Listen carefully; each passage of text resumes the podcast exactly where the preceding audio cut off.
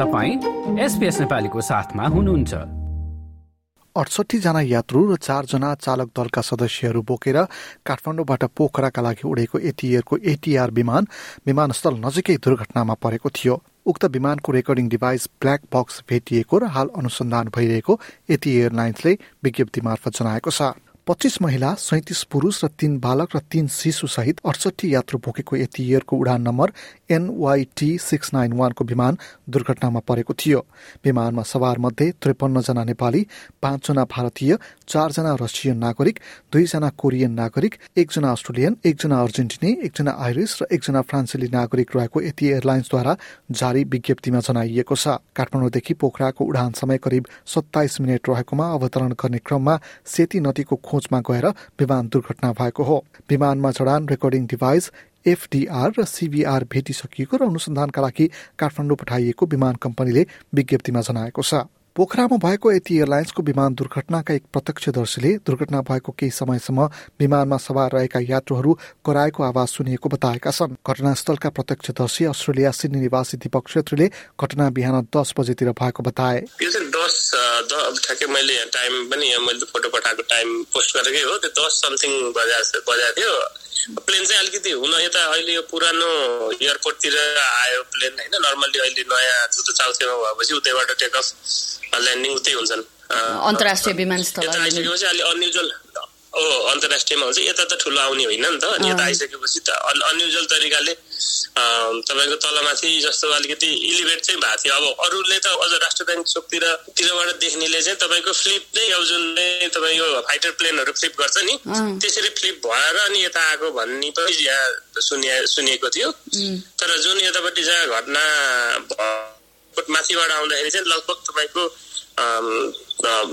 आधी आधी आधी जस्तो घरियो त घरियो त ढल्किँदै ढल्किँदै अनि तपाईँको चाहिँ लेफ्टतिरको चाहिँ पहिला अलिकति बाङ्गियो त्यसपछि चाहिँ हामीले एकैचोटि ब्लास्ट सुन्यो कि। विमान निकै तल र अस्वाभाविक रूपमा उडेको देखेपछि पोखराका कतिपय स्थानीय मानिसहरूले भिडियो पनि बनाएका थिए। अर्का प्रत्यक्षदर्शी इन्द्रध्वज बरुवालले घटनापछि आफूले प्रहरीलाई खबर गरेको बताए।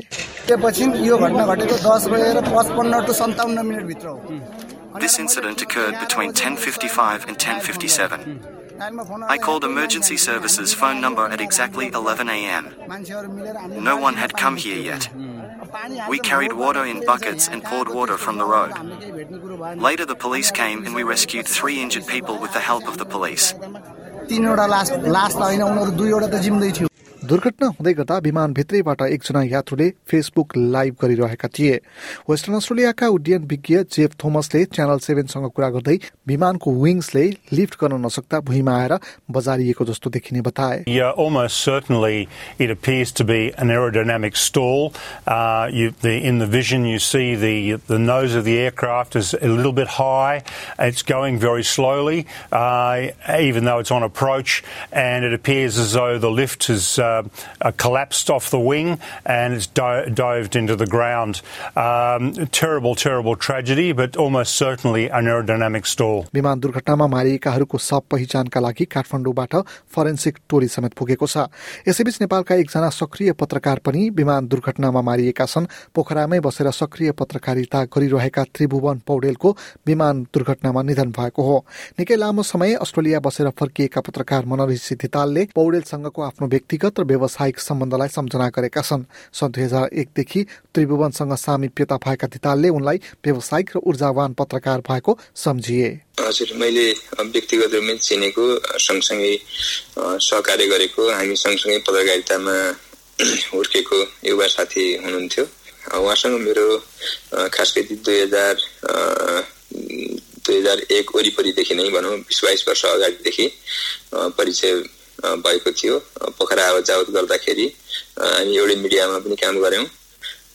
र सँगसँगै मिडियामा काम गर्दाखेरि रेडियो अनि त्यसपछि टेलिभिजन र छापा पत्रकारिता सबैमा उहाँको दक्षता पनि थियो। र सँगसँगै सामाजिक रूपमा जस्तो साथी पनि हुनुहुन्थ्यो। र उहाँको चाहिँ देश विदेश घुम्ने नयाँ नयाँ समाजहरूसँग घुमेर समाचारहरू अगाडि ल्याउने त्यो खालको पनि एउटा क्षमता प्रतिभा थियो। त्यो अनुसार हामीले उहाँलाई हुर्काएका पनि थियौँ। र नेपालको पत्रकारिताले ठुलो नोक्सानी बिहोरेको छ एकजना युवा पत्रकार साथीको निधनबाट। लाइक सेयर र कमेन्ट गर्नुहोस्। एसपिएस नेपालीलाई फेसबुकमा साथ दिनुहोस्।